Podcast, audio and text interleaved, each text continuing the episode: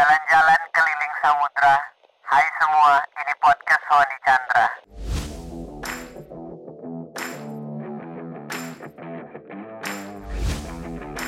Hai semuanya, apa kabar? Semoga baik. Jadi, topik pertama akan gue mulai dari cerita salah satu penulis favorit, namanya Stephen Covey, yang judulnya adalah Mulailah dari Tujuan Akhir. Gua ngajak lu semua untuk duduk sebentar, cari spot, cari tempat paling nyaman untuk lu dengerin podcast ini sendirian dan gak ada gangguan.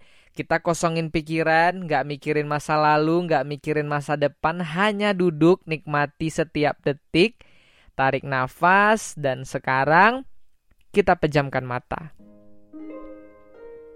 Bayangkan lu akan menghadiri pemakaman seseorang yang paling lu kasihi. Bayangkan lu mengemudi kendaraan yang biasa lu gunakan.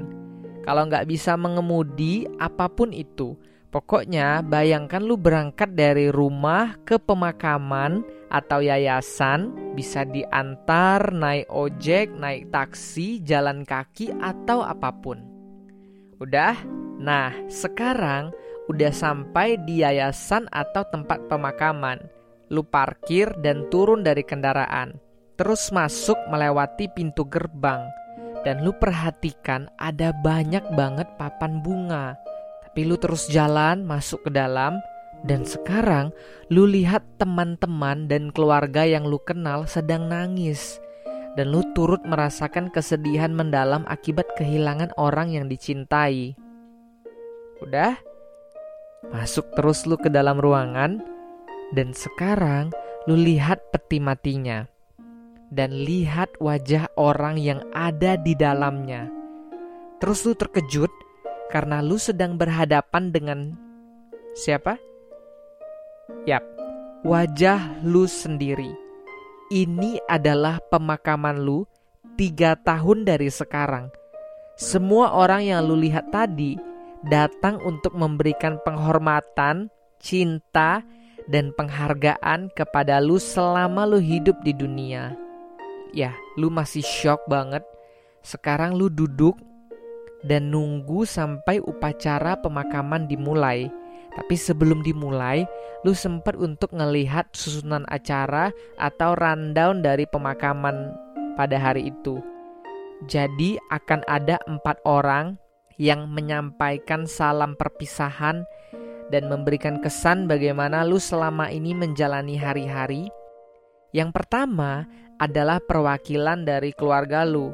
Seluruh keluarga dekat dan keluarga besar semuanya hadir. Jadi ada saudara, keponakan, sepupu, paman, bibi, orang tua, anak, pasangan hadir lengkap. Yang kedua adalah salah satu dari sahabat lu, orang yang menurut lu bisa memberikan kesan mengenai lu sebagai sosok seorang sahabat yang ketiga adalah rekan dari tempat lu kerja atau profesi lu, bagaimana lu berkarya dalam pekerjaan lu sebagai seorang mahasiswa, pekerja, pengusaha atau apa pun. Dan yang terakhir adalah dari kalangan agama atau organisasi masyarakat di mana lu terlibat. Sekarang, pikirkan secara mendalam apa salam perpisahan, yang lu harapkan dikatakan dari masing-masing orang tersebut mengenai lu. Kalimat apa yang mencerminkan lu sebagai keluarga? Teman seperti apa sih lu? Rekan kerja yang gimana dan apa kontribusi lu kepada organisasi lu selama ini? Karakter apa yang lu harapkan mereka lihat dari diri lu? Ada nggak sih pencapaian atau keterlibatan lu? Dan lu mau kasih perbedaan apa untuk hidup orang-orang di sekitar impact lu apa? Dan sekarang lu perhatikan orang-orang di sekitar kira-kira siapa yang lu harapkan jadi perwakilan dari kata sambutan tadi? Gua kasih waktu lu pikirkan dan wajib lu tulis di kertas. Sekarang juga silahkan di post dan dijawab Oke, terima kasih sudah melakukan visualisasi tadi bareng gua. Jika lu melakukannya serius, gua yakin lu bakal menyentuh nilai-nilai dasar yang terdalam. Jadi membayangkan hari kematian atau istilahnya memento mori, kita tuh diingatkan bahwa hidup singkat dan udah singkat ya harus digunakan sebaik mungkin. Kalau bisa, kita tuh membayangkan ini setiap hari. Jadi kita tahu apa yang paling berharga dalam hidup. Seperti kata filsuf Seneca dan Marcus Aurelius, hiduplah seakan hari ini hari terakhir lu bernafas dan jadikan ini penentu apa yang lu utarakan, lakukan dan pikirkan sehari-hari.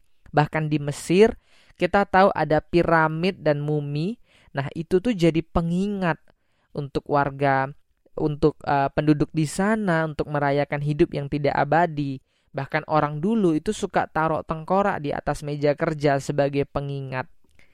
Ketika kita tahu tujuan akhir dengan jelas, kita akan menjalani hari langkah demi langkah menuju arah yang benar. Istilahnya tetap dalam rel. Karena sering kali kita terperangkap dalam jebakan aktivitas yang padat. Gua juga dan lu mungkin rasain kita sibuk, sangat sibuk bahkan tapi nggak bekerja dengan efektif. Banyak yang mencapai kemenangan yang hampa untuk gaji yang lebih tinggi, untuk pengakuan dari orang lain, jabatan, popularitas yang cepat atau lambat bakalan kita sadari bahwa perjalanannya akan terasa sia-sia. Biasanya itu penyesalan ya kita akan sadari di akhir atau ya terlambat gitu. Bukan berarti bahwa kesuksesan itu nggak penting, namun tangga kita harus bersandar pada tembok yang benar dulu nih. Jadi setiap langkah kita naik, naik, naik tangga terus, itu tuh menuju puncak yang udah kita tetapkan. Pengalaman gue, biasa tiap tahun gue ke makam pahlawan. Dan ketika gue lihat makam orang-orang besar, apa ya emosi rasa iri marah benci itu hilang aja gitu.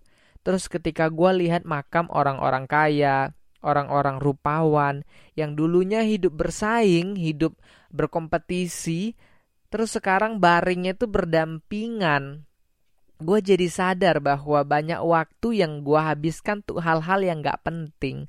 Uang penting sih penting banget, tapi bukan hanya itu yang penting. Jadi beberapa waktu ini gue suka mikir yang penting ya adalah kesempatan untuk berkarya, apa pun karya atau platformnya.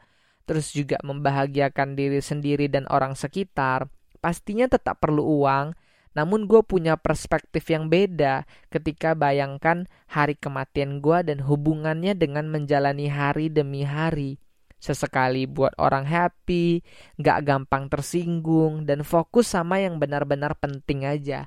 Ini juga jadi reminder buat gua untuk sebisa mungkin ya jadi lebih sabar dan gak mempermasalahkan hal-hal yang remeh kayak jalanan yang macet, sekarang kita yang gak boleh keluar rumah, WhatsApp yang menjengkelkan ya, kadang hanya di read, postingan di sosmed yang sedikit like, sedikit komen, dan lain-lain ya pokoknya hasil yang tidak sesuai dengan rencana terus juga gue nggak ada ya sebisa mungkin gitu untuk nggak nggak benci sama orang, nggak mikirin omongan orang, ragu sama diri sendiri, berpikiran negatif gitu ya jadi jarang banget, jadi lebih tenang lah. Dan gue juga mau ngajak dan ngingatin untuk diri gue dan lu semua sebelum terlambat kita bisa kasih penghargaan sama orang-orang di sekitar kita. Kalau sayang ya bilang sayang, kalau salah ya jangan ragu minta maaf. Menabung kita lebih banyak gitu sama pengalaman hidup, apa pun itu. Karena pada akhirnya ketika ajal menjemput, kita bukan apa yang kita miliki, melainkan kumpulan dari pengalaman dan cerita panjang.